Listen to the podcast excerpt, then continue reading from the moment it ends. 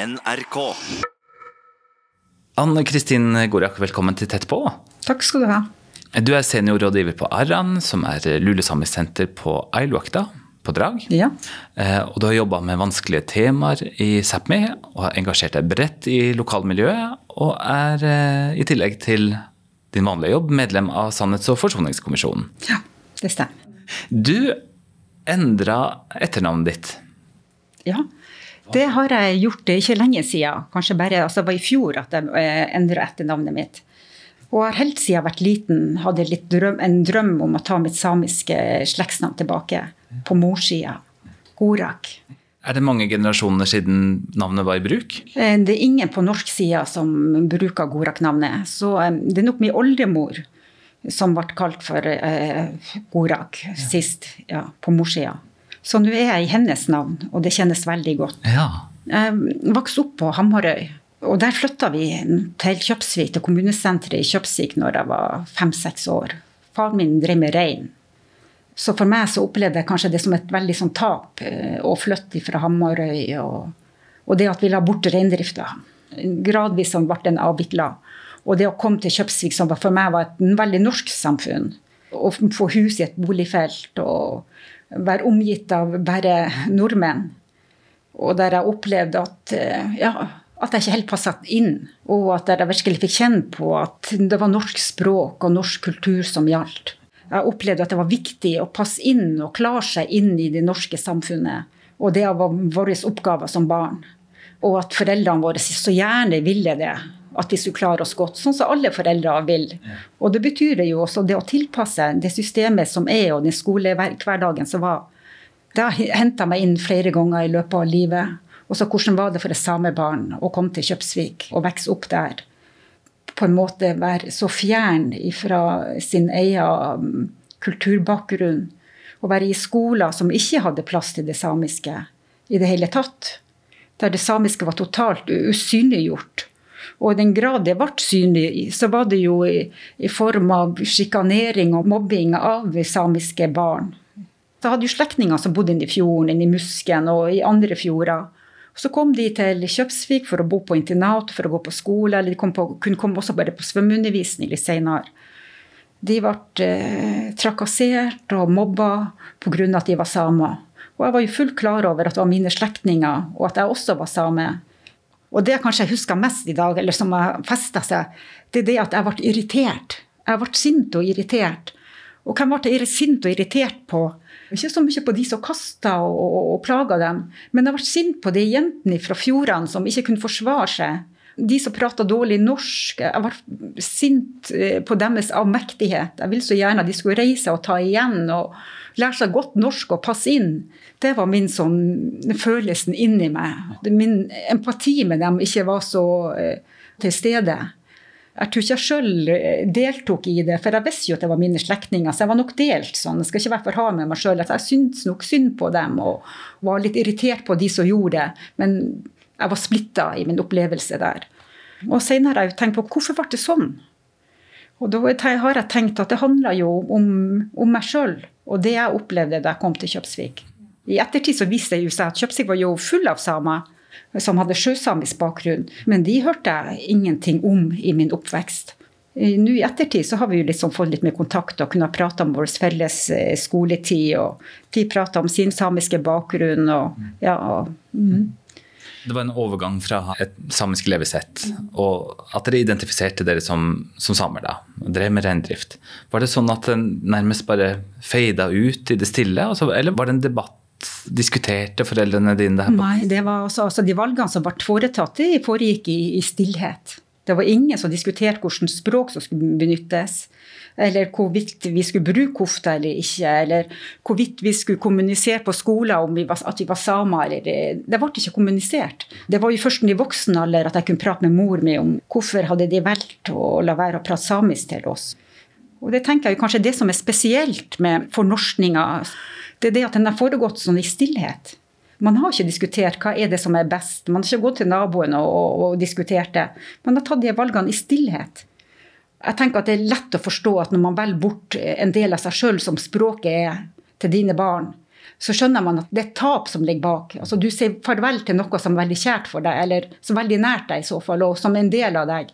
Og det neste, det, som heller ikke ble, det ble jo aldri kommunisert og satt ord på og diskutert med nabokona eller noe sånt, eller med naboene, eller med skolen, eller med helsetjenesten osv. Det var et privat valg som alle måtte ta hver for seg.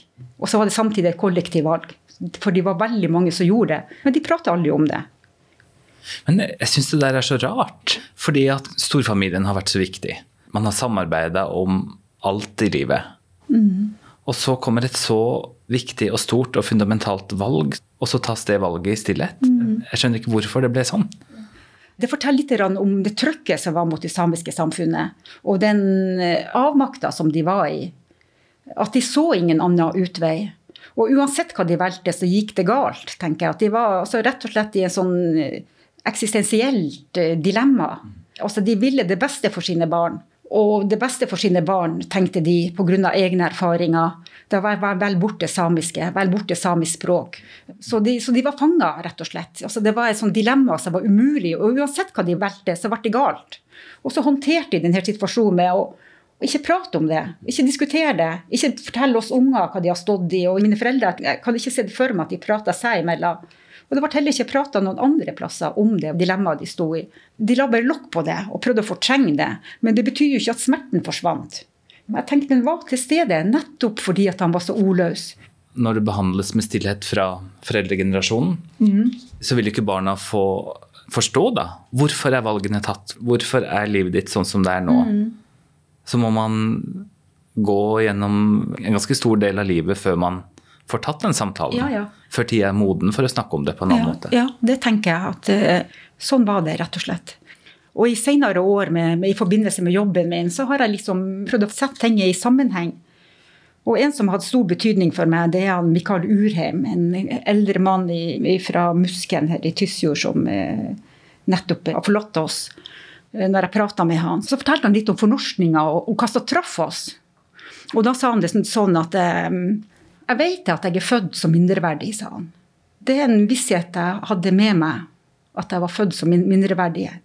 Og den vissheten og den kunnskapen, det fikk jeg hjemmefra. Det fikk jeg fra de andre i det samiske samfunnet. Det fikk jeg fra skoler i Musken, sa han.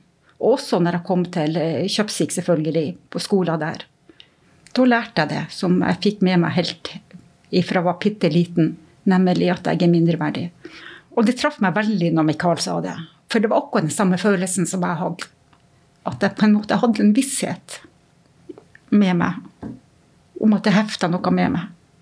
Og at jeg er ikke så mye verdt som andre barn. Og at vi som samer er mindreverdige. Um, ja. Det er litt sterkt å si det, ikke sant? Og det, en, og det er sikkert mange som kanskje ikke kjenner seg igjen i det. Jeg er jo litt redd for det, selvfølgelig, å bruke for store ord.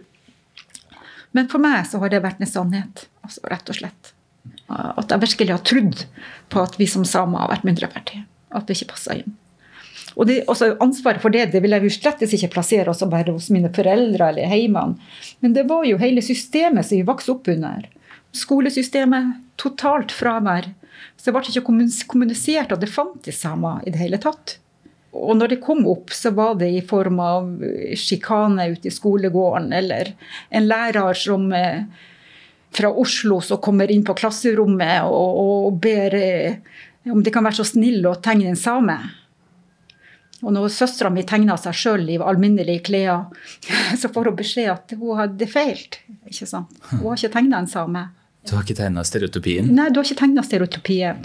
Mm. Men så tror jeg jo også det handler om eh, urett og krenkelse som har truffet meg i mitt liv, at det også har festa seg.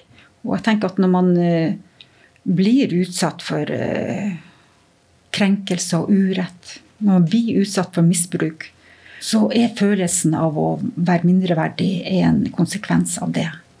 Det å være annerledes. Det å ikke passe inn. At det er noe feil med en. Så du fikk bekrefta det på flere av livets arenaer, sånn sett? Ja. Og det er viktig for meg å si at uh, selv om vi da kan peke på fornorskninger som forklaring for urett som vi mange har opplevd i vårt liv i det samiske samfunnet, så kan vi peke på oss og si at fornorskninga skylder.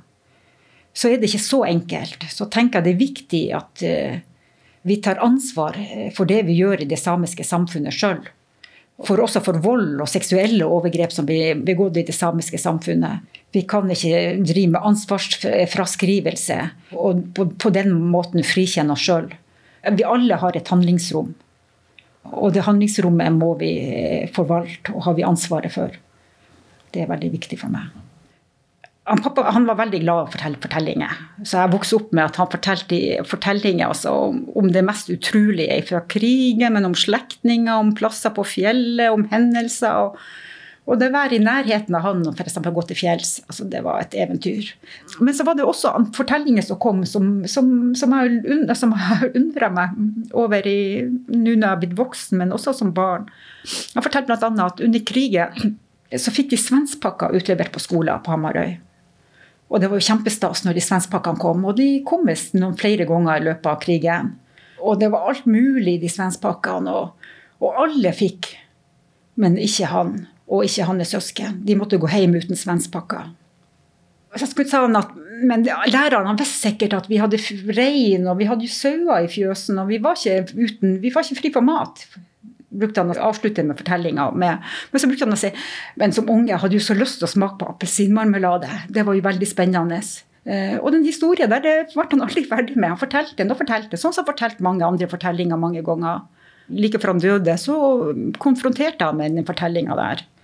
Ja, han bekrefta det hele. Så sier jeg Pappa, tror du kanskje det var for dere var, at dere var sameunger? At, at det hadde noe betydning?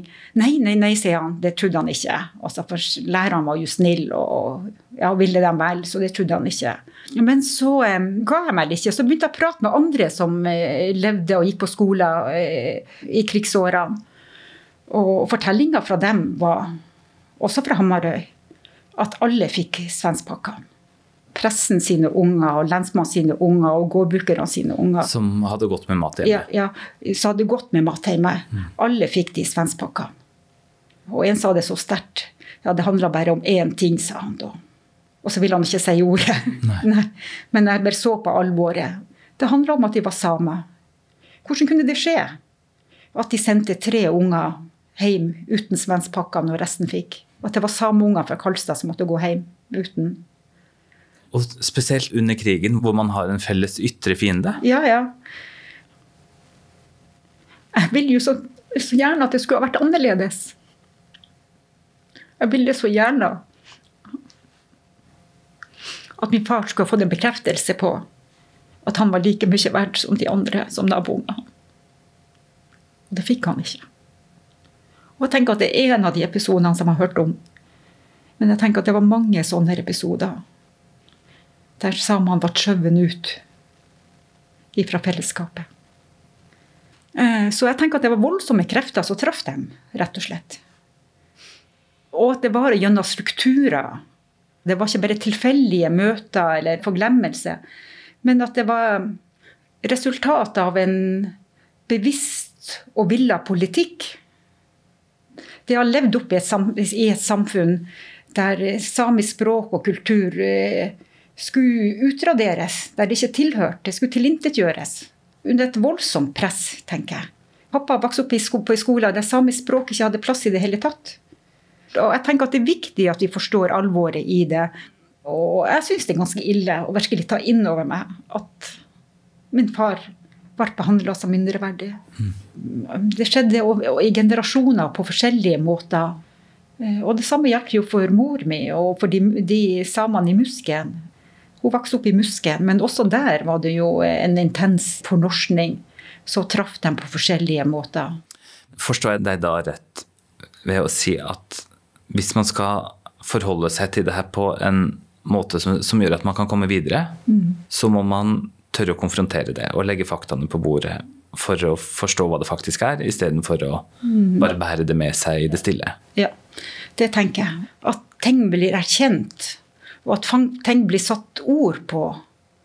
Hvis man ikke er i stand til å sette ord på onde opplevelser, på diskriminering, rasisme man opplever, og hvis de andre rundt deg eh, mener at det som traff deg, var det gode, og du har en helt annen opplevelse sjøl inni deg sjøl, så tenker jeg at det, det skal hardt arbeid for å, å, å få bearbeide smerter, smerten der.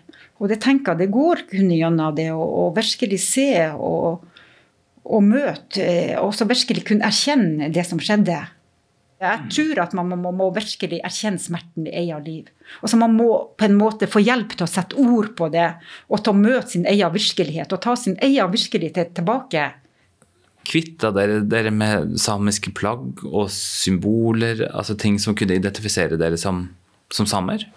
Eh, nei, det gjorde vi ikke. Altså, det som skjedde, det var jo mer det at foreldrene mine valgte at vi skulle altså, prate norsk til oss. Og at eh, vi ikke brukte kofte, f.eks. de første årene vi, vi bodde i Kjøpsvik. Altså det de gjorde, hadde som strategi, tror jeg, det var jo bare at de ikke synlig, altså de ønska ikke å være så synlige. Men eh, inne i familien så var vi alle klar over at vi var samer. Og når slekt kom fra fjorden eller fra Karlstad, så ble samisk språk brukt mellom de voksne. Så de fornekta langt ifra sin samiskhet. Men jeg tror at de også levde under et sånn litt sånn tøft press de første årene. Eh, så må det jo også sies at eh, etter hvert så endra jo de også, mine foreldres strategi. Broren min som er ett år eldre enn meg, han fikk kofta når han ble konfirmert. Oh. Ja. Og jeg ble også konfirmert i kofte. Så etter hvert så endra de ting. Og mine to minste, de to yngste i familien, eh, de lærte samisk. Og mamma ble samisklærer og lærte de samisk på, på, på skolen ting har jo endra seg. Men det var i en periode der eh, som viktige år for meg, der jeg savna noe som var kjært for meg. Når mm. ble jeg konfirmert? I 78. ja. Um, så det var jo en sånn tid med sånn etnopolitisk mobilisering og en sånn bevegelse og, og en, disku, en, diskusjon i lokalsamfunnet. og der man ble liksom tvungen til å ta side. Altså, hadde det samiske verdi, eller hadde det ikke? Og mange i Tysfjord valgte jo helt bort det samiske, og la det helt bort. Altså både språk og kultur. og hadde, og motarbeide det aktivt. Eh, mine foreldre gjorde ikke det. Altså, mamma begynte å kjempe for samisk språk, og, og at det skulle ha plass i skolen, og ble jo selv samisklærer. og ja, og, og far min også tok et aktivt skritt og, og forlanga også altså Kjempa også for at samisk språk og kofte og salme, samiske salmesang skulle ha sin plass i de arenaene som han syntes var viktig for seg. Eh, så det skjedde jo en endring også i det samiske samfunnet i, i Tysfjord eh, på mange måter, som vi tok eh, en del av. Og hvis du spør om mamma, så kanskje hun har jo, og hvis du spør søsknene mine, så har jo de en helt annen, kanskje en annen fortelling. Så det her er jo min fortelling. og Yngstesøstera mi ville fortelle noe helt annet. ikke sant? For hun har vokst opp i en helt annen tid. Og mamma vil selvfølgelig ha en helt annen fortelling. Altså, det er litt sånn viktig for meg å si.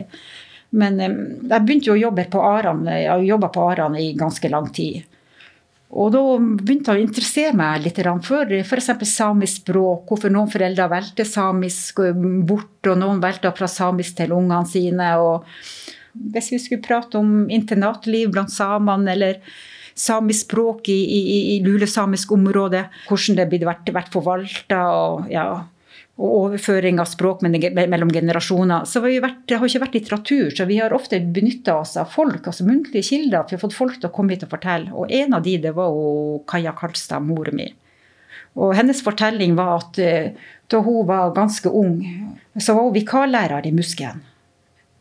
Så hjemme i si heimbygd, der alle var samer, og der, alle, der samisk var førstespråket til ungene. Men hun sa at hun nekta sine samiske nabounger å prate samisk til henne på skolen som lærer. De måtte prate norsk med henne for å få svar. Altså En sterk historie, og at hun kan fortelle at hun som same gjorde det mot sine nabounger. Og så sier hun, skal hun forklare seg hvorfor hun gjorde det, så sier hun det noe sånt. Og det var fordi at jeg trodde at det var sant det at samisk språk var mindreverdig. Det hadde hun møtt så mange ganger gjennom sin oppvekst. Hun hadde tidlig bestemt seg for at når hun fikk barn, så skulle hun velge bort, eh, samisk språk. Da skulle de lære seg norsk, for de skulle ikke oppleve det som hun hadde opplevd i skolestua. Og så sier hun det også at i dag vet hun at det, hennes valg er forbundet med, med, stor smerte. Og at hun beklager det hun har gjort. Så ser hun bort på meg, så sier hun der, og vet at hun Anne spesielt har eh, at har savna samisk språk, og, og, at hun har sørga veldig over at hun ikke har lært seg samisk hjemme, og over de valgene som ble tatt. Man har jo tatt disse valgene innenfor et system som har vært veldig veldig krevende. Mm. Og jeg tenker på det du sa i stad, om at, du, at, man vil jo det beste for sine barn. Mm. Mm. Og for sine omgivelser. Ja. Mm. ja. og det er jo helt sant. Og jeg er jo heller ikke upåvirka av, av, av, av, det som har truffet det samiske samfunnet. Jeg er jo også mor, har tre barn. Og jeg tenker at mine barn helt sikkert også kan rette fingeren mot meg. Og jeg tenker jo øh, at vi alle på en måte må jo stå til ansvar for de valgene vi tar i livet. Og jeg må jo stå til ansvar for mine, for mine barn. At det, jeg tenker, det at jeg hatt en tanke om at vi som samer er ikke så verdifulle, og at jeg følte inni meg at jeg som er ikke like verdifull som, som, som andre, altså jeg, som same er jeg mindreverdig, at det har vært en sånn tanke som har eh, hatt plass i livet mitt den har jo selvfølgelig eh, ikke vært bra verken for meg eller de jeg har vært glad i. Altså, det har også ramma dem. Så jeg blir på samme måte som mamma, så må jeg si til mine, altså til mine at, at, det var galt. Og at jeg beklager. Men hva tror du om neste generasjon, da? Og barnebarngenerasjonen? Altså, ja. det, det, er jo en annen tid, ja, heldigvis. At det, heldigvis er en annen tid. Vi lever i en god tid og vi får muligheten til å være oss sjøl. Og når vi opplever diskriminering og hatytringer, så har vi muligheter til å ta det opp og kommunisere det. Vi har fått en sannhetskommisjon, vi har en konge som har beklaga uretten. Og etter hvert så tenker jeg at vi på en måte klarer å romme det som treffer oss nå, på en litt bedre måte. Vi har lært noe etter hvert. Og så har jo holdninger, altså Det har skjedd mange sånn forsonende tiltak i forhold til den samiske befolkninga fra storsamfunnets side, og det treffer jo. Vi har fått rettigheter, vi har fått vårt eget sameting, obligatorisk rett til samisk, fått samiskspråklige barnehager. Jeg tror at det tar både jeg til meg og, og, den generasjonen etter meg og mine barnebarn. De lever jo i, i, i ei god tid. Og så Samtidig så tenker jeg jo at det er viktig å, å tenke at den rasismen eh, som har vært til stede i, i samfunnet, altså det er jo ikke over med stortingsvedtak eller sånn plutselig, den ligger jo der, og den vil alltid være til stede, tenker jeg, i verden. Så det er jo liksom å, at vi må være flinke til å ta det opp og, og tørre å sette ord på det. Altså Når elever blir mobba på skolen, når folk blir utsatt for hatytringer i sosiale medier, når vi blir krenka. Eh, så at vi er nødt til å kjenne på at eh, og virkelig ta oss sjøl på alvor og så kjenne på den kraften som finnes i oss og i det samiske samfunnet, til å reise oss og si ifra og, og ta et oppgjør med det. Mm. Og så rett og slett våge å ta det på alvor. Og så jeg tenker at Det er vårt alles, alles ansvar, og det er muligheter til håper jeg at vi, vi klarer å, å, bruke i dag. Ja. Du har jobba med mange krevende temaer. Mm -hmm. Har du kunnet overføre dine egne erfaringer til arbeidet som du har gjort her? Ja. Jeg tenker jo at jeg har tatt med meg de her erfaringene som jeg hadde i mitt eget liv. Det har jeg tatt med meg i det her arbeidet. Og jeg har hele tida prøvd å være sånn åpen i forhold til de erfaringene jeg har med meg. At jeg kommer ikke Jeg er ikke nøytral eller objektiv eller et eller annet når jeg går inn og behandler de vanskelige temaene. Jeg har mitt liv med meg som bagasje. Og, og like mye som jeg forsker på samfunnet der ute, så har jeg forska på meg sjøl i denne prosessen. Jeg prøver å forstå like meg sjøl like mye som, som, jeg prøver å forstå de andre. Ja. Ja. Og så har vi også parene jobba veldig med at vi har brukt de personlige fortellingene. Folks erfaring og opplevelse i forbindelse med fornorskninga har vært veldig lite beskrevet. Mm. Og det oppdaga vi tidlig her på Aran. Så vil jeg bare skøyte inn også, han, han Henry Minde han, han, han sier jo det at det, at, eh, at, det var en norm i det samiske samfunnet, altså historiker Henry Minde, en norm i det samiske samfunnet om at man skulle ikke ripe opp i gamle sår. Man skulle ikke prate om det som var ondt. Og Han forteller jo også at eh, skolehistorie ble like eh, tabubelagt som fortellinger om overgrep og incest i det samiske samfunnet. Og det er ganske sterkt. Og hvorfor i all verden var skolehistorie så tabubelagt? Og det tenker jeg igjen fordi at for mange så var det skolehistorien var en smertefortelling. Og, liksom, og, normen var at man skulle ikke gripe opp i gamle sår, la det bare være der. Men på den måten så fikk vi jo også veldig lite kunnskap om det. I, i løpet av årene så har vi jo tatt imot mange personlige fortellinger på Aran. Om tap av språk, om det å være homofil i det samiske samfunnet. om ja, det å være internatbarn, det å bli mobba. Det å oppleve å ikke få lov å bruke samisk språk på samlinger. Og også om seksuelle overgrep. Så vi skjønner etter hvert at skulle vi ha det som, altså skulle vi bruke personlige fortellinger i arbeidet vårt på Aran, så, så, måtte vi utvikle en metodikk som ivaretok de som fortalte på en god måte. Nå er møtene åpne. men vi er fremdeles veldig tydelige på at eh, de fortellingene her, det tilhører det her rommet, og det er den som forteller, som eier sin fortelling. Og vedkommende sjøl må være den som forteller utafor det rommet her. Og til media så har vi sagt at de får gjerne være til stede, men kan de være så snille sånn, hvis de skal ta opptak, at de gjør det utenfor? At de gjør det i avtale med den som forteller. Og så vi brukt, bruker vi også å si at, eh, at, de som er til stede, har en viktig oppgave. Nemlig å lytte og ta imot den fortellinga. Når man har lært som enkeltindivider og som en undertrykt gruppe, da, det beste er å være stille. Hvordan får man den første til å til å åpne seg? Jo, med at man tar folk alvorlig. Og så har et sånn verdisyn om hva er kunnskap. Og at kunnskap ofte handler om makt. Makt til å definere virkeligheten. Og at det har også truffet oss i Sápmi. Og derfor har, blitt, har, det blitt sånn at den kunnskapen som vi sitter på i Sápmi, som vi, vi, hver enkelt av oss kjenner som, som, som vår sannhet, den har ikke hatt verdi. Og denne har ikke blitt en del av sannheten i, i Norge. Altså Det som er sant og det som er virkelig, eh, det er også våre erfaringer. Det er ikke bare det du finner i bøker. Jeg leste en artikkel du skrev, mm -hmm. og der stilte du et spørsmål. Når skal samer slutte å være ofre? Og det er et både viktig og spennende spørsmål. Hva, hva tenker du sjøl der? Jeg tenker at eh, når vi tør å fortelle om urett og krenkelser i vårt eget liv. Uten å være redd for eh, de andres reaksjon. Da er vi ikke ofre lenger. Da har vi tatt eierskap til vår egen fortelling. Da er vi subjekt og ikke ofre. Og jeg tenker at det liksom har vært en sånn bakgrunn for det vi jobber med på Aran, rett og slett. Uh, ja. Og det er også sant for deg, er det ikke det? Ja, det tenker jeg. Og det, sånn har det vært i mitt liv òg, ja. Det er sant for meg. Det å våge også og en å møte, eh, møte urett i eget liv. Og for, kunne forholde seg til det. Og føle empati med seg sjøl og sin egen sånn, håpløshet eller avmakt i situasjoner. Og det å kunne snu seg mot seg sjøl eh, har vært viktig for meg i mitt liv. Å ha empati med seg sjøl og sin egen sårbarhet med alt det man har opplevd i livet, det tenker jeg er veldig viktig. Det er det som gjør at du kan åpne opp for de andre rundt deg, som også er i en sårbar situasjon. Har du kommet til et punkt i livet hvor du er tilfreds nå, da?